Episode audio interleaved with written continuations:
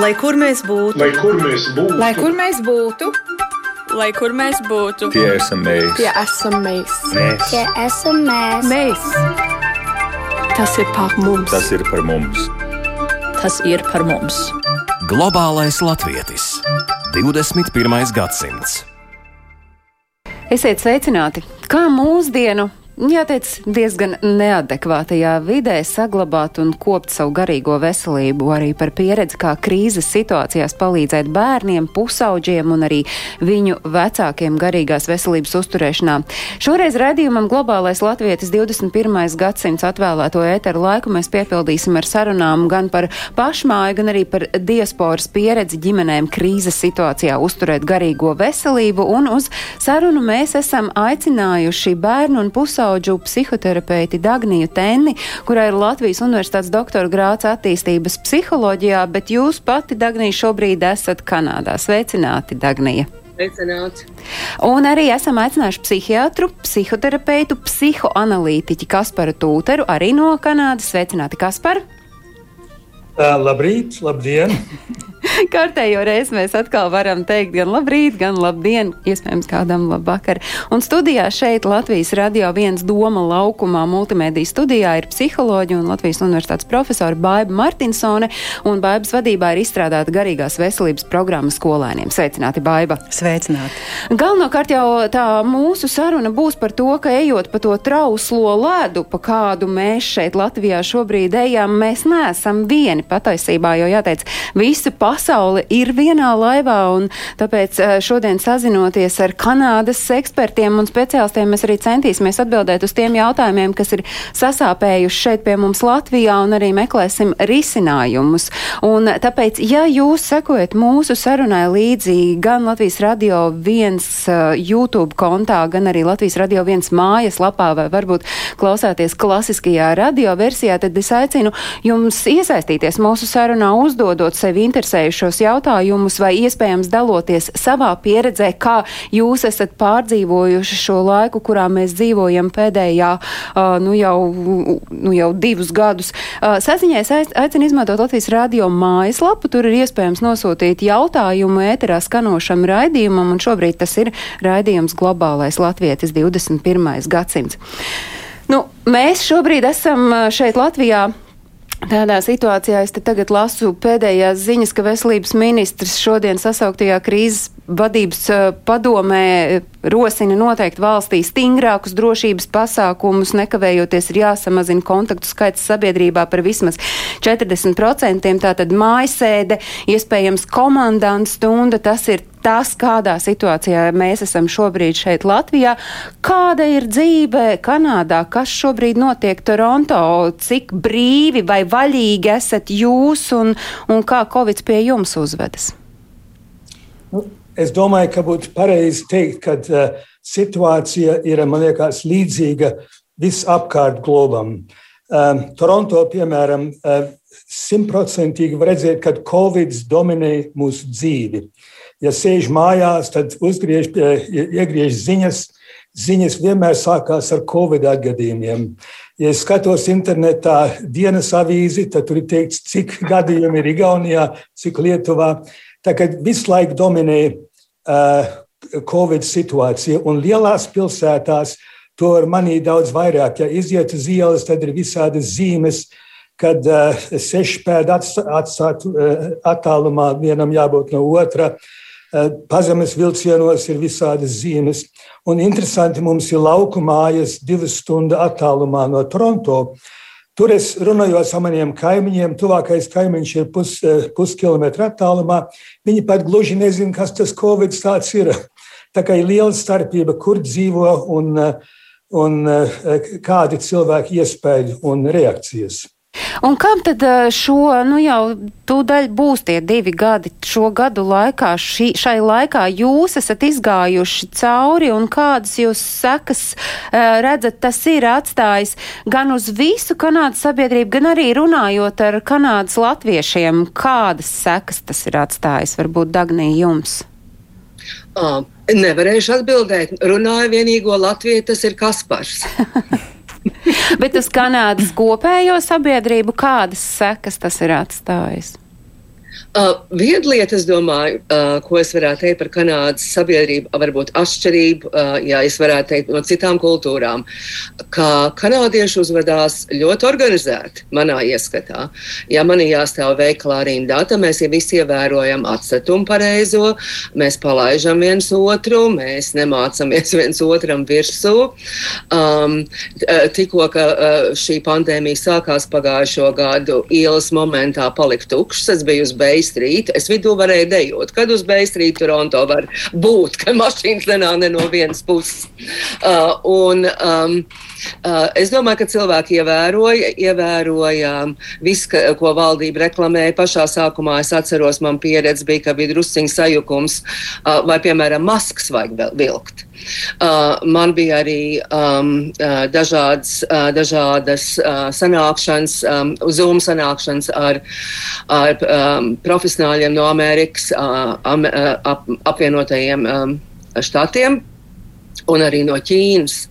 Un no Ķīnas, kur mums nāca pirmās ziņas, kad lūdzu, lūdzu, valkat maskas, kamēr mums val, valdība neieteica to. Un mēs sākām varbūt ātrāk, mēs varbūt ātrāk to drusciņi dzirdējām, kas notiek. Uh, un um, tad pagājušajā gadā, man liekas, martā mums aiztaisīja skolas ciet. Um, un daži bērni palikām mājas mācīšanā, uz um, um, internetā mācīties no pagājušā gada, tas būtu 20. gada marta līdz šī gada septembrim. Septembrī būs uh, bērni un, un atgriezās uh, skolās. Uh, universitātes studenti vēl viss nav atgriezušies, uh, vēl mācās online, vai arī tādas jauktas, um, jauktas mācības notiek. Tātad uh, arī diezgan ilgu laiku ir nācies būt ierobežotiem, uh, kādus tas ir atstājis sekas, un tad uzreiz mēs varēsim arī skatīties Latvijas virzienā. Tas taču nav palicis bez sekām, un tas ir tas, ko droši vien arī jūs savās ikdienas darba gaitās jūtat un sajaušat. Uh, jā, jā, es runāšu, un tad mēs pajautāsim Kasparam. Uh, es esmu privāti praksē Toronto, un uh, privāti praksē. Um, Man ir jāsaka, ka bija daži bērni, kas pat ieguva no pandēmijas, kas vēlāk arī tika publicēts dažos zinātniskos rakstos. Uh, ne tikai man, tie bērni, kas nāk pie manis, bet kad um, atļauties būt mājās kopā ar vecākiem, uh, uz zinām periodu atstāja pat pozitīvu iespaidu. Grūtāk bija bērniem, es domāju, no socioekonomiskās stāvokļa puses, kur varbūt ap, um, kur apstākļi varbūt nav tik labvēlīgi, kur, piemēram, terapija nevar, uh, nevar terapiju darīt, ka vecāks tev uzliks uh, telefonu, ne, bet um, uh, kompjūteri aizvērš durvis, un mēs zinām, ka neviens pat nenoklausīsies. Uh, pašā pandēmijas sākumā pat New York Times rakstīja, un bija daudz sanāk, sanākšanas uh, regulārs starp amerikāņu profesionāļiem, um, uh, kuras arī piedalījos, uh, kā darīt psihoterapiju. Ka bija pat uh, publicēts, man liekas, tas bija New York Times, um, kur uh, bija raksts, ka cits cilvēks sēdēja mašīnā, cits cilvēks sēdēja toaletē, lai varētu dabūt nedaudz uh, to vienpatību, uh, lai varētu runāt ar, ar terapeitu vai arī paši būt ar sevi vai arī iet pastaigāties. Man ir gadījums um, no Ķīnas, kur man bija students no Hongkongas universitātes. Uh, tas man ir vispilgtākais palicis. Mums tik traki šeit nebija. Viņiem nebija atļauts nemaz iet uz ielas gandrīz. Uh, bija periods, bet viņiem kopmītnēs bija suns. Uh, un tad viss kopmīns vadīja to vienu suni, kamēr suns atteicās iet ārā. Starp citu, šādas, šādas stāstus mēs dzirdējām arī tad, kad Spānijā un Itālijā bija tie ļoti striktie noteikumi, tad tur stipri jā. līdzīgi visa māja vienu suni dalīja, kamēr suns jā, atteicās. Māja, jā, ar vienu suni. Un tik, tik traki šeit nav, uh, ka es no rīta nāku uz oficiālu, es nācu uh, ielas ir tukšs, vienīgi cilvēki, kas vadās suņus. Tos var redzēt. Un man tepat ārpus loga otrā pusē ir skola. Nu, bija klusums, nu, bija klusums. Tagad vairs nav klusums. Pusdienas laikā no rīta, kad bērni iziet ārā, ir atkal skaņas, un čālas, un skriešanas, un smiešanās mēs varam dzirdēt tagad. Mēs varam iet uz restorāniem tagad. Ar to arī apsveicam. Redzēs, cik ilgi mēs varēsim iet uz restorāniem. Kas par jūs, jūsu novērojumu, kādas tomēr ir sekas atstājis šis uh, laiks, kurā cilvēki ir bijuši ierobežoti pie jums? Es domāju, tas varbūt turpina to domu, ko, ko mēs tikko pārunājam. Kad uh, katrā cilvēkā ir īpatnējais līmenis, ja balanse starp vajadzību būt vienam savā paša telpā un ot, otrā bezgalībā būt vienmēr kopā ar pārējiem. Un mēs dzīvi iesākam uh, ar pamatu vajadzību, kad mums vajag visu laiku kontaktu, ar kādu personu, kas kas mūs atbalsta, kur ir starptaut, eh, starp, eh, starp latviešu vārds interpersonal contact, starp, starppersoniskais kontakts. Un, ja mēs zaudējam to kontaktu, tad radās pēc laika frustrācija. Un interesanti arī daudz cilvēku, ieskaitot mani no paša sākuma, domāja, nu, ja Eh, Covid eh, ies kādus divus, trīs mēnešus, tad tas dod tādu atvaļinājumu. Neiet darbā, būt mājās, pasēdēt. Pat pēc, pēc laika, ja ir ieslodzīts pats savā mājā, vienalga cik ērta tā māja rodās, eh, frustrācijas situācija. Un frustrācija var ātri pārvērsties dusmās un agresijā. Un tur iesākās visi tie konflikti un problēmas ģimenē un ārpusē ar pārējiem. Iesaistīšu baidu sarunā tas, ko kolēģi minēja, un tas, kā mēs šobrīd esam kādā punktā Latvijā. Arī jūs droši vien sajaušat, ka tā darba ir krietni vairāk, bet kur tos resursus ņemt, kā palīdzēt? Ziniet, man jau te ir vairākas domas, ko teikt, bet varbūt reflektējot par tikko izskanējušo, patiešām arī Latvijā tas jautājums, nu, cik lielas ir pandēmijas sekas, ir aktuāls. Un tur arī dzirdamas pietiekami daudz spekulācijas, ka, ka patiešām visi ir cietuši, tagad, tagad visi jārastē un, un apmēram tā, bet daļa šie secinājumi ir pietiekami maldinoši. Uh, jo patiešām atkarībā no tā, kāds ir cilvēks, kādas ir bijušas viņa iepriekšējās grūtības. Jo mm, es atļaušos uz, uz, nu, izteikt tādu domu, ka, ka uh, pandēmija aktualizēja arī tās grūtības, kādas cilvēki piedzīvoja pirms tam. Un šobrīd, sakrītot tam kopā ar pandēmiju, tad mēs visu norakstam uz pandēmiju, ka tieši tādēļ ir pastiprinājušās attiecību problēmas vai arī psihiskās veselības problēmas. Uh, tomēr mums Latvijā arī ir daži pētījumi, piemēram, uh, par par to, ka lielāku stresu pandēmijas laikā piedzīvo tieši jaunie cilvēki. Un tieši jaunie bērnu vecāki kuri uh, pirmajā pandēmijas vilnī bija izstumti, patiesībā nebija, nebija iekļauti palīdzības sniegšanas lokā. Jo mums vienmēr ir tipiski bijusi palīdzība daudz bērnu ģimenēm un sociāli, ekonomiski mazāk aizsargātām ģimenēm. Un savukārt tie vecāki, kas ir jauni, kuriem ir viens vai divi mazi bērni, kuriem nav nekādu lielu dzīves kolīziju pieredze, viņi bija patiesībā nolikti lielākā stresa situācijā. Un, un arī pētījums apstiprināja, ka tie jaunie cilvēki, kuri vairāk cieš no vientulības, tātad jaunāks vecums, vientulības izjūta un augstāks naidīguma līmenis, provocē arī partnerattiecību vardarbību.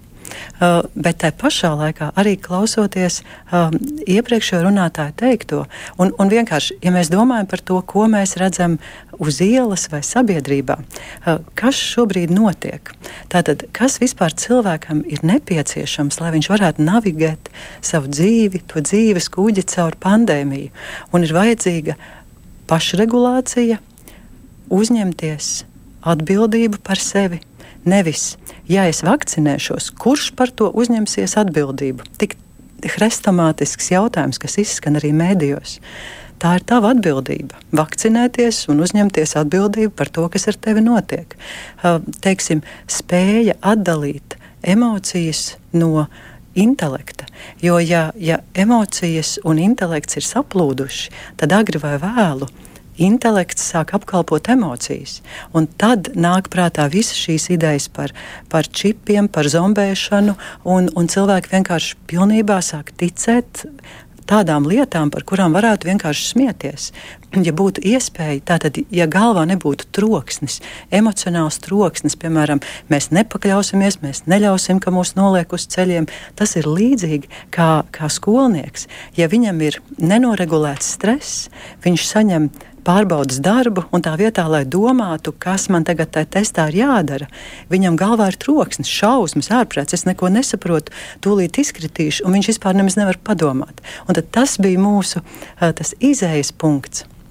Kāpēc, kāpēc mēs īpaši aktualizējam tādu preventīvu pieeju šobrīd Latvijā?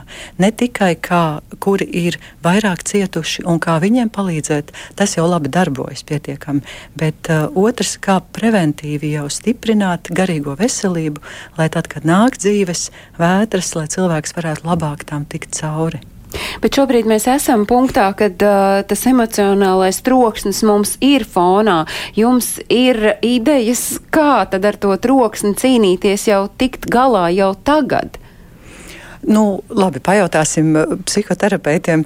Ja jau tas būtu tik vienkārši, ka ir kaut kāda viena pavāra grāmatas recepte, eh, protams, ir. Mēs zinām idejas, kas ir tādas patiešām pierādītas. Ej dabā, nodarbojies ar fiziskām aktivitātēm. Ja tev ir uh, sociāla un fiziska distancēšanās, tad rūpējies, lai samazinātu emocionālo distanci. Bet to, protams, ir vieglāk pateikt nekā izdarīt. Par to pateikšanu un par, to, par tiem atbalsta mehānismiem. Šobrīd mēs ar Bābu runājam, Bāba ieskicē to, ka ir šis atbalsta mehānisms brīdī, kad vēl nevajag to palīdzību. Nu, tā kā jau iepriekš sagatavojoties tam, ka var tāda situācija pienākt. Bet šobrīd, piemēram, pie jums Kanādā, nu, ir cilvēks, eh, ģimene, piemēram, ir sajutuši, ka nu, netiek ar šo konkrēto situāciju vairs galā, kādi ir un kur meklējam tie atbalsta mehānismi?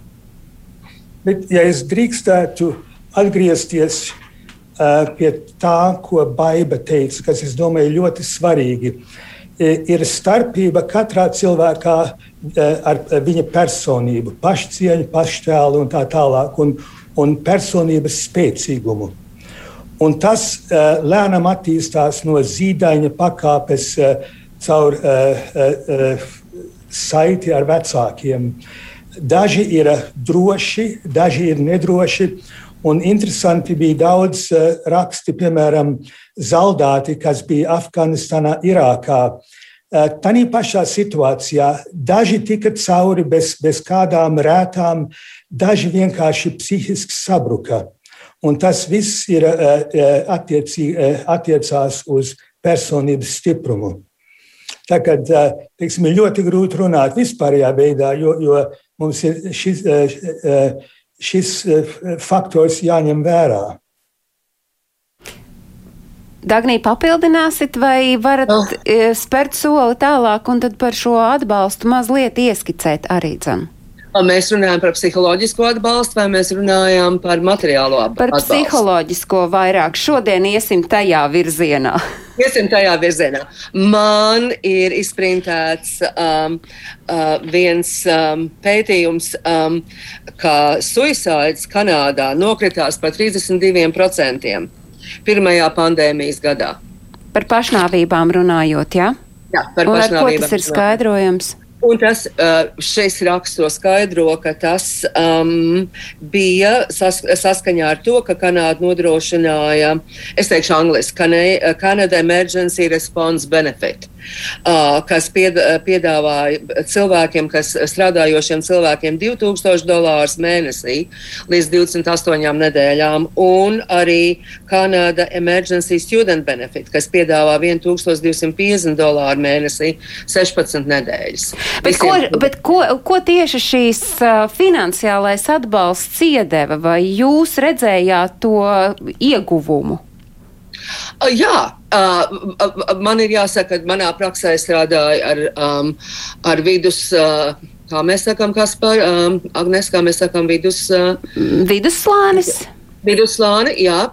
Uh, un uh, šie, um, šie netika, um, es varbūt neredzēju pati personīgi, bet to, ko es dzirdēju, es dzirdēju no supervīzijām, vai es dzirdēju apkārt, un kā arī rakstīts, ka tas palīdzēja, ka nedēļu to milzīgo izmisumu. Jo tajā brīdī, kad es arī atceros, ka teica, ka uh, tagad mēs visi taisīsim ciet, kas tagad notiks, jā, ka mums viss aizvērst ciet, kas deva to drošības sajūtu un kas varbūt iedeva, es domāju, varbūt iedeva to sākumu ģimenē ģimenēm, bērniem, ka uh, panika nebija tik liela, satraukums nebija tik liels, un ka viņi varbūt varēja būt mājās uh, kopā ar bērniem un vairāk, um, vairāk ja, ja var tā teikt, piestrādāt pie pieķeršanās, pie savstarpējām attiecībām. Tādā ziņā, tādā ziņā es, to, es to šajā gadījumā šo es minēju. Arī Kanādas valdība saka, ka viņi ir paaugstinājuši psiholoģisko palīdzību, kas būtu paaugstināt gan hospitāļos, gan uh, dažādās institūcijās. Uh, Privāta prakses laikam neskar, cik es saprotu, um, uh, bet palīdzību. Um, Ir diezgan, man liekas, tas atkarājās. Sorry, es at, atkarājos, tas ir briesmīgs vārds. Tas ir atkarīgs. atkarīgs. Latviešu valoda, man latviešu valodas skolotāja ienāca galvā. um, kurā pandēmijas uh, stadijā mēs esam. Vai tā būtu tā pirmā, kas gāja tā kā ar viņiem, gāja pirmā, tad tas tā kā druskuļi pārmainījās, gāja uz augšu, gāja uz leju. Tagad tas ir pusotra gads, kur mēs esam, vai mēs esam tajā pašā vietā, kā mēs jau šeit ieskicējām, vai tur, kur mēs sākām. Uh, un um, es esmu pamanījusi, um, ka tieši tagad, kad palika vairāk. Um, notika vairāk saka, atbrīvojumu un aizliegumu tika atcelti ka vairāk notiek arī um, terapeitu meklējumi. Nevis tieši pandēmijas laikā vai privāti praksē. Ar ko tas ir skaidrojams? Es varētu vēl pielikt pie tā, mm. mēs runājam, kad, kad radās krīze, kad radās stress. Jā. Kādā veidā var palīdzēt dabūt, eh, eh, atgūt to drošības sajūtu. Un eh, Dagnija minēja, ne, kad ar finansiālo atbalstu te Kanādā, Kanādas valdība dod biznesiem zināmu biznesiem, un tā tālāk. Tā ir viena daļa, bet tas, es domāju, kas vēl svarīgāk, ir psihiskais atbalsts. Un, ja bērni jūt, ka vecāku personība ir spēcīga, kad ir zināma tāda pozitīva kontrole, kad viss nav sabrucis, tas ir ļoti, ļoti svarīgi eh, ģimenei. Un eh, tāpat arī, ne, kad tās personas, kuras jūtas spēcīgākas, izdzīvos daudz vieglāk nekā tās, kuras ir trauslas. Bet vēl arī jūs, kas par esat teicis to, ka tā katra cilvēka pamatvajadzība tomēr ir uzturēt ciešus kontaktus ar tiem, ar kuriem viņš jūtas līdzīgi vai spēja runāt vienā valodā. Tas arī ir viens ļoti svarīgs faktors, kas ļauj iziet uh, sausām kājām pandēmijas laiku. Jā, jo, ja mēs ņemam piemērus, teiksim, tad vienkārši piemērs, ja ja mēs ejam pa mežu un apmaldamies uz pāris stundām, panika radās, jo mēs esam viens pats bez kāda atbalsta. Un otrs, kas ir pierādīts uh, cietumos, ko sauc angļu valodā par solitary confinement, tas ir solitārais ieslodzījums, ja tā varētu teikt, latviešu valodā. Pēc zināmām dienām, jeb nedēļām, cilvēks vārdu pilnā nozīmē paliek traks. Viņš nevar nodzīvot vienkārši savā individuālā telpā. Viņam vajag kontaktu un tādu sajūtu, ka uh, eh, tur būs atbalsts. Tagad uh, tas kontakts ir ļoti, ļoti svarīgs. Un to mēs arī varam redzēt, vai ne kādi uh, pusauģi sāk savu dzīvi pavadot gandrīz visu laiku uz internetu, social networking un tā tālāk. Jo viņiem vajag to sajūtu, ka viņi dzīvo tādā tīklā, kur viņiem ir pieejamas attiecības ar katru kuru. Un jo vairāk attiecības, jo viņi jūtās eh, spēcīgāk un populārāk. Vai arī jūs redzējāt uh, to, ka šis, šī spēja sajusties līdzīgiem ar līdzīgu, sazināties savā starpā, bija arī tas, kas šeit pie mums Latvijā bija ļoti aktuāli. Jā, joprojām ir. Pilnīgi noteikti. Un es arī teiktu, ka uh, turpinot to domu par drošību vai par, psiholo nu, par psiholoģisko drošību, patiesībā psiholoģisku drošību rada arī uh, skaidrība. Uh, lai, lai pat nu, tā, tā kā tāda konsekvence lēmumos, varbūt tā nedaudz pietrūka. Uh, valdības komunikācijā ar sabiedrību ne, bija pietiekami daudz visādu maiņu, ļoti daudz uh, telpas. diskusijām, spriedelēšanai. Ziniet, līdzīgi kā kad mazs bērns kaut ko grib izdīgt no vecāka, un ja tas vecāks ļaujās un ir nekonsekvents un uz priekšu un uz atpakaļ, tad tā dīkšana turpinās. Un savā ziņā arī mūsu sabiedrībā tas bija vērojams, ka kamēr nebija tādi skaidri lēmumi, pilnīgi strikti, uh, radās ilūzija, ka visi, nu, ka daudzi ir neapmierināti, kas patiesībā nemaz tā varbūt nebija. Vispār un, man klausoties, jūs mm -hmm. šodien ir tāda sajūta, ka, ka ir, ir ir viens, kas melns, kas ir samālēts pavisam melns, un tad ir kaut kur tā, tā patiesība, kas varbūt nav m, tik traka. Bet, ja mēs runājam, mēs dzirdējām, kāds ir atbalsts, kāda, mm -hmm. kāda tad ir tā atbalsta sistēma šeit pie mums Latvijā? Pie kādas tiek strādāts? Nu, Latvijā, protams, ir, ir arī bija ļoti, ļoti laba teiksim, tāda finansiāla atbalsta sistēma, kas, kas bija izveidota sākumā, pirmajā pašā pandēmijas vilnī. Mums bija ļoti liels pētījums ar vairāk kā 2,5 tūkstošiem ģimenēm ar bērniem, un liels skaits bija saņēmis finansiālu atbalstu no pašvaldības, no valdības. Dažādas bija pārtikas pakas, siltu pusdienu piegādes mājās, Tā kā šāda palīdzība, kad mēs salīdzinājam teiksim, ar Japānu vai ar Meksiku, tad, tad tajās sabiedrībās šāda lieta nebija. Tāpat Latvijā ļoti nozīmīgs resurss bija skolas, kontakts ar skolu, ar skolotāju un ar skolas psihologu vai citu atbalsta personālu. Tā kā Latvijas skolas arī ar to ir īpašas, īpašas ka mums ir pieejami arī šādi pakalpojumi.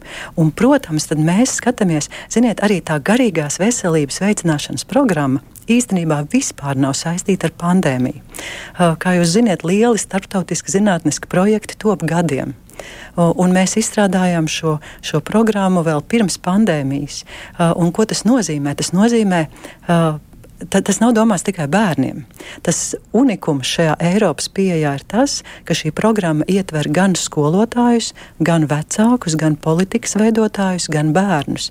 No pavisam mazajiem cēlīšiem, no 3 gadiem līdz pilngadībai, 18 gadu vecumā. Un ko mēs iedodam? Mēs iedodam izstrādātu gatavu materiālu nodarbību plānus, sākot no bērnu dārza līdz vidusskolai, lai audzinātāji varētu tos likt audzināšanas plānā un arī nodrošināt šo konsekvenci un psiholoģisko drošību reizi nedēļā, teiksim, vadīt īstu sociālo-emocionālās mācīšanās stundu. Uh, un kas tajā stundā ir? Tur ir iekšā trīs lielie vaļi. Visa programma balstās uz trīs vaļiem. Viena lieta ir sociāla, emocionālo prasmju attīstīšana, saprast savas emocijas, spēt pārvaldīt savas emocijas, domas, uzvedību, spēt, spēt saprasties ar citiem, sadarboties ar tiem, kuri man nepatīk vai kuri pauž citus viedokļus, pieņemt atbildīgus lēmumus. Tādas pilnīgi fundamentālas lietas. Uh, tad otrais valis ir uh, dzīves spēks, tas, ko sauc par resilience angļuiski. Tātad dzīves spēka stiprināšana ir tieši tā, tas arī personības spēks, uh, kas, kas palīdz izturēt lielās vētras un iziet no krīzēm nevis apdauzītam, bet atgūt sevi. Un, un dzīvot kvalitatīvi tālāk. Un trešais valis ir sociālo, emocionālu un uzvedības problēmu prevencija, tā kā samazināt riskantu uzvedību, dažādus atkarības riskus, trauksmi, depresiju, ēšanas traucējumus, pašievainojošu uzvedību un tā tālāk. Tātad tajā programmā mēs, mēs vienkārši šobrīd mēģinam, un esam jau to izdarījuši, mēs iedarbinam Latvijas izglītībā šo, šāda veida pieeju, ka skolā ne tikai mācās zināšanas, bet arī attīsta personību. Savukārt skolotājiem mums ir īpaši materiāli par viņu pašu garīgās veselības veicināšanu, kas var noderēt arī šobrīd krīzē. Un vecākiem ir viņu materiāls, un vecāku materiāls balstās uz četriem vaļiem, trīs ar pus vaļiem. Pirm, tas ir tieši tas, kas, kas saistās ar piesaistes veidošanu, ar attiecību turēšanu. Tad pirmkārt, kā tu izrādi savam bērnam mīlestību, otrkārt, kā tu disciplinē savu bērnu, pieskati un noliec robežas, treškārt, kādu piemēru tu rādi savam bērnam. Un no tā izriet vēl viens valītis, kā tu sadarbojies ar izglītības iestādi, ar visiem savu bērnu audzinātājiem, kas, protams, ir arī piemēra rādīšana. Tātad mēs ticam, un mēs arī to zinām, pasaulē šādas pieejas labi darbojas, ka, ka sākot ar preventīvu pieeju, kurā tu ietver visus, var dabūt tādu jaudu, ka nu, 75% bērnu tas var būt ļoti labs aizsargājošs faktors. Un tad mums paliek kādi 15% bērni, kuriem vajag vairāk individuālu palīdzību. Bet runājot par šo programmu, tā nav Latvijas unikāla programma. Ar šo strādā, jūs jau minējāt, citvieta pasaulē veiksmīgi, paralēli Latvijai arī vēl notiek. Tā ir tur tas labums. Tā ir pilnīgi unikāla programma. jo mums jau Latvijā ir viena uh, mūsu kultūrai piemērota, Latvijā izstrādāta programma, kas saucās Sociāla emocionālā mācīšanās, nodarbība plāna 1. un 12. klasē. Un šī ir tagad, uh, mēs izveidojam lielu Eiropas iniciatīvu uh, kopā ar, ar Itāliju, Horvātiju, Grieķiju. Rumāniju, Portugāli, Portugāli jā, un Maltu. Un tātad mēs izveidojam visas Eiropas uh, sociāla emocionālās mācīšanās modeli. Un līdz ar to mēs izstrādājam no, no jauna šo programmu kā, kā tādu teorētiskās atziņās, tādu pierādījumos balstītu programmu, uh, un mēs viņu aprobējam visās valstīs. Tagad ir pirmie efektivitātes rezultāti. Rīt mēs par tiem ziņosim, un tie tiks LSM uh, straumēti. Bet uh, varbūt jūs pāris no tos. Uh, Plusus, tos ieguvumus varat jau šobrīd minēt, vēl pirms rītdienas? Noteikti. Ziniet, tie plusi ir vairāk. Bet, ja, nu, teiksim tā, ja domājam kaut vai par, par mācībām skolā, tad skolotājiem un arī, ziniet, vecākiem bieži vien tie tipiskākais, nu, tipiskākais jautājums ir, kā panākt, lai manam bērnam ir mācību motivācija, lai viņš grib mācīties, un kā panākt, lai viņš normāli uzvedās. Nu, kā? nu, ja, un izrādās, ka viens no tiem atslēgas vārdiem ir nodrošina sociālo emocionālo mācīšanos. Nevis taisi motivācijas programmas un nevis taisi uzvedības programmas. Arī tās, protams, ir labas. Bet, bet ja tu attīsti sociāli emocionālās prasmes, spēju no, no, notolerēt stresu, spēju sadarboties, jo patiesībā arī disciplinēšana, bērna paklausīšana vecākam pēc būtības ir sadarbošanās. Tātad tam ir uh, sociāla emocionālo prasmju attīstība ir milzīga, fundamentāla nozīme cilvēka dzīvē. Jo reāli tikai gudrība rada kapacitāti, kas varēja būt, bet sociāla emocionālās prasmes iedod, iedod virzienu un ļauj atraisīt savu potenciālu.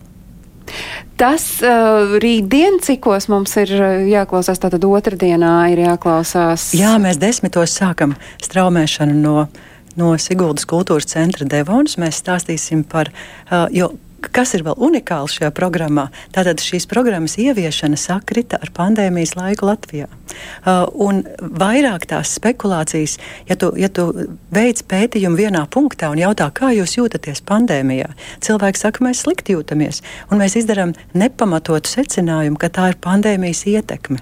Bet tā to nevar izmērīt. Tev ir jātaisa, pirmkārt, mēs nevaram dabūt kontrolu grupu, jo nav cilvēki, kuri nebūtu pandēmijā. Pandēmijā mēs nevaram salīdzināt. Bet uh, šajā gadījumā mums izdevās nejauši uh, pārbaudot programmas efektivitāti. Mēs nomērījām garīgās veselības stāvokli uh, pagājušā gada oktobrī un šī gada maijā. Un? Tieši tiem pašiem bērniem, tieši tiem pašiem vecākiem, tieši tiem pašiem skolotājiem. Uh, un mēs redzam, ka tie, kuri ir piedalījušies garīgās veselības veicināšanas programmā, ka, ka viņiem ir labāka izaugsme gan mācību motivācijā, gan mazāk uh, externalizētas uzvedības problēma, kas ir vairāk tāda, kas ir agresivitāte, uh, nespēja savākties, nu, tādas ārēji novērojamas uh, uzvedības grūtības. Un, un skolotāji ziņo, ka ir mazāk arī tādas problēmas, problēmas kā, kā, kā trauksme un depresivitāte.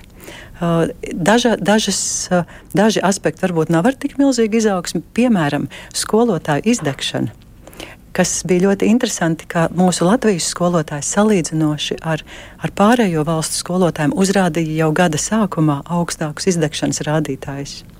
Mēs varam domāt, Mēs rītdien parunāsim par to, kā to izskaidrot. Lūk, jūs jau ieskicējāt, Baiba, vairākus atslēgas vārdus. Jūs minējāt, tas ir gan stress, izdegšana, tā pati agresivitāte, bet vai jūs kopīgiem spēkiem varat tagad salikt, Kuri tad ir tie biežākie garīgās veselības traucējumu simptomi, kad ir jāsit pie trauksmes zvana, kad ir jāpievērš uzmanība un kad vairs nevar cerēt, nu, ka tas varbūt pats pāries? Kas par? Jā, es domāju, tas, ko mēs minējam, tas sekas, ja dzīvo ilgāku laiku neziņā, stresā, frustrācijā, pēc laika tas pārvēršas uh, uh, agresijā, dusmās, depresijā. Un, To, to varbūt bieži vieglāk redzēt bērnos, jo bērni izsaka savas jūtas darbībās, kamēr pieaugušie apslēp līdz tam punktam, ka viņi vai nu sabrūk, ja kaut kas cits notiek. Un tāpēc vēlreiz es mēģinātu uh, uzsvērt to, ko Baiba teica, kad uh, ir tas vissvarīgākais, lai, mē, lai mums būtu tāda labsajūta uh, garīgās veselības laukā ir e, jābūt struktūrai, zināmai struktūrai, kas rada drošības sajūtu. Un e, arī, ja tā struktūra ir par daudz rigīda, tad e, būs reakcijas pret to. Visas tās demonstrācijas, mēs nevalkāsim maskas un mēs nedarīsim to un to. Tāpēc metaforiski es uzskatu, ka struktūra nevar būt kā dzelzceļa, viņai vajag būt kā gumijas sētai, tur vajag būt zināmam elastīgumam. Tagad tas pamatfaktors ir, ja, ja mēs varam ievest drošu bāzi, drošu struktūru, tas ļoti, ļoti veicinās eh, veselīgāku funkcionēšanu. Un vai es pareizi saprotu, ka šo drošo struktūru ja man tā netiek radīta no ārpuses, tad es varu pats to sev radīt. Un es pats sev, vai, vai es kā vecāks savam bērnam, vai mēs sev kā ģimenei tādu izveidojot, atkal varam cerēt, ka mēs pārcietīsim šo laiku ar pēc iespējami mazākiem uh, garīgās veselības un mentālās veselības traucējumiem, Dagnī. Uh, jā, tas arī at, uh, ir atkarīgs no, no jēgas, man liekas, kas katram ir individuālā jēga. Uh, ko mēs meklējam dzīvē, ko mēs gribam saredzēt. Uh, es dzirdēju no jauniešiem, kam bija pagājušo gadu, šogad, pagājušo gadu, šogad, kam bija izlaidums, ka viņi zaudēja tik ļoti. Tas izklausījās, ka viņi zaudējuši, ka tas, kaut, tas, jā, tas nenāks atpakaļ, tas to vairs nevarēs atgūt. Bet vai ir kāda iespēja par to padomāt par to, kā, kā citā veidā pozitīvi šo situāciju atrisināt. Tas izlaidums un tāda skola vairs nebūs, kā, kā tas bija plānots. Bet No otras puses, ja mēs atkal domājam, vai mums nav jādomā nedaudz kritiski, pieņemsim par, par potēšanos. Uh, Kanādā šeit arī ir grupas vai viena grupa, es pat nezinu, kas ir pret vakcinēšanos. Un tas, būt, uh, un tas izskatās, ka šeit pašreiz būtu viena grupa, kas ir par vakcinēšanos, viena grupa, kas ir per, uh, pret vakcinēšanos. Ko tas nozīmē? Ko tas mums nozīmē? Uh, Vai tas izklausās tā kā, tā kā sadalīšana divās daļās, uh, un kas nekādā gadījumā nav savienojama, un tur nenotiek pārunas, un netiek kritiskā domāšana neti, nenotiek. Tā tiek pārnest arī uz, uh, pār, pārnest arī uz bērniem, uh, kas bērniem rada papildus grūtības um, izlemšanā. Kaut gan, ja es saprotu pareizi, Kanāda pieņēma likumu, kā, um, likumu vai lēmumu, ka bērni var potēties. Uh, es nevaru pateikt, no kur gadu vecuma. No kur vecuma. Um, Bet uz ko būtu jāskatās? Uz ko būtu jāskatās? Um, es domāju, tā. Gan arī jāsaka tā, ja mēs paņemtu visu grāmatu, kas nu tik vien viss var notikt, viss tas ir pārmērībā.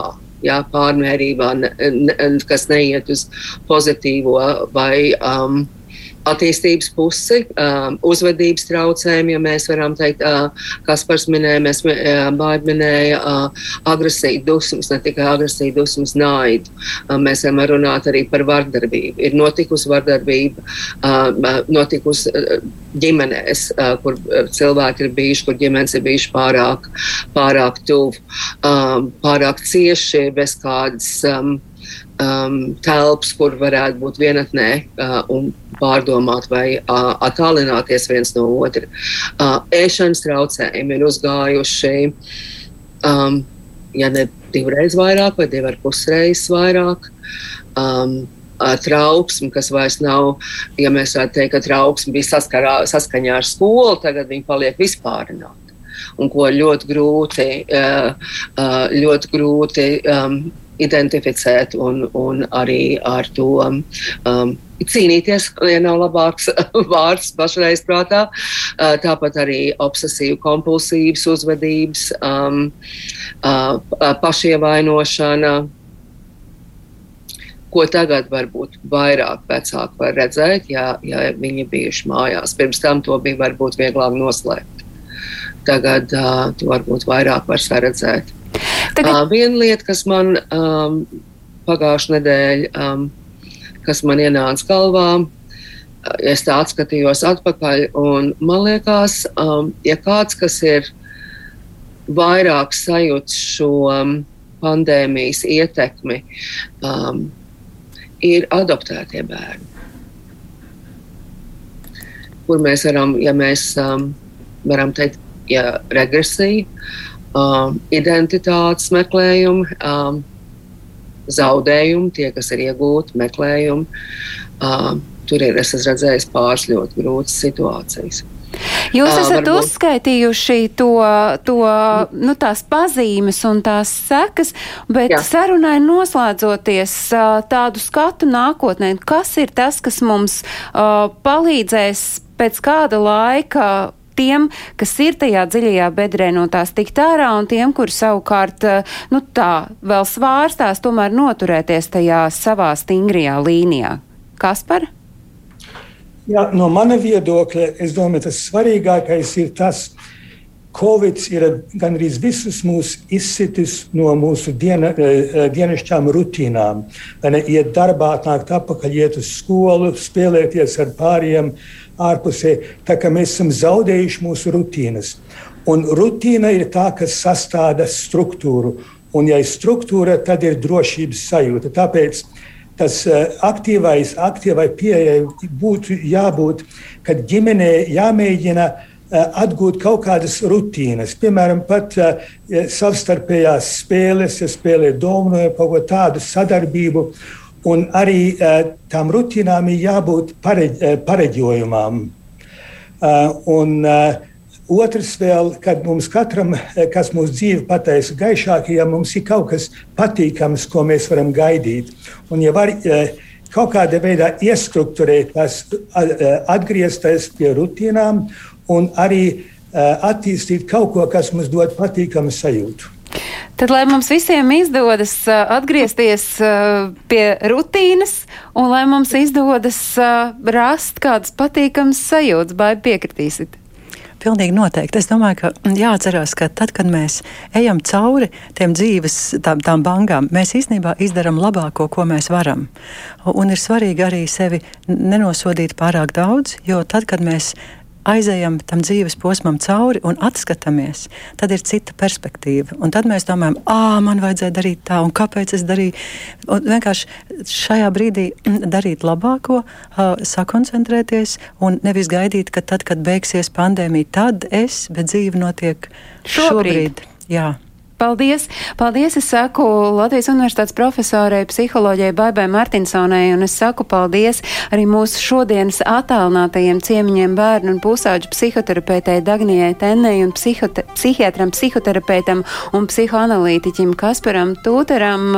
Sveiciens Kanādai no Rīgas un savukārt jums, klausītāji, skatītāji, paldies, ka jūs bijāt šai brīdī kopā ar mums, lai mums visiem sausām kājām izdodas iziet šo pandēmijas laiku. Un un visus tos notikumus, kas ir aktuāli latviešiem dzīvojot ārpus Latvijas, jūs varat meklēt portālā latviešu.com. Tur arī klausieties mūsu raidījumu un atkārtojumu varat klausīties arī katru svētdienu 5 pāri 3 Latvijas radio viens viļņos. Paldies, ka bijāt kopā ar mums un lai laba diena! Atā!